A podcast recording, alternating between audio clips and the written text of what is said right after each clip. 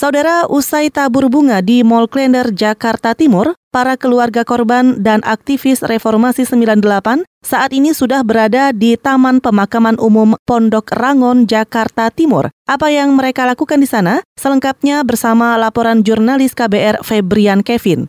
Selamat pagi, saat ini saya sedang berada di TPU Pondok Rangon, lokasi kedua peringatan 21 tahun tragedi Mei 98. Di TPU Pondok Rangon, keluarga dan sejumlah SM melakukan tabur bunga di makam korban Mei 98. Di TPU Pondok Rangon, makam korban berada di dua blok.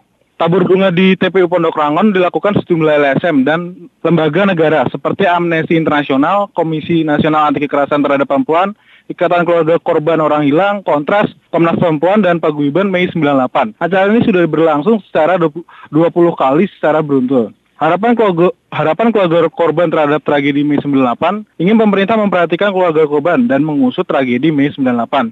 Serta jangan ada pemimpin yang otoriter seperti suatu saat tahun 98. Keluarga, keluarga korban berterima kasih kepada LSM yang terus mendampingi sampai saat ini. Demikian dari TPU Penukangan, Febrian Kevin melaporkan untuk KBR.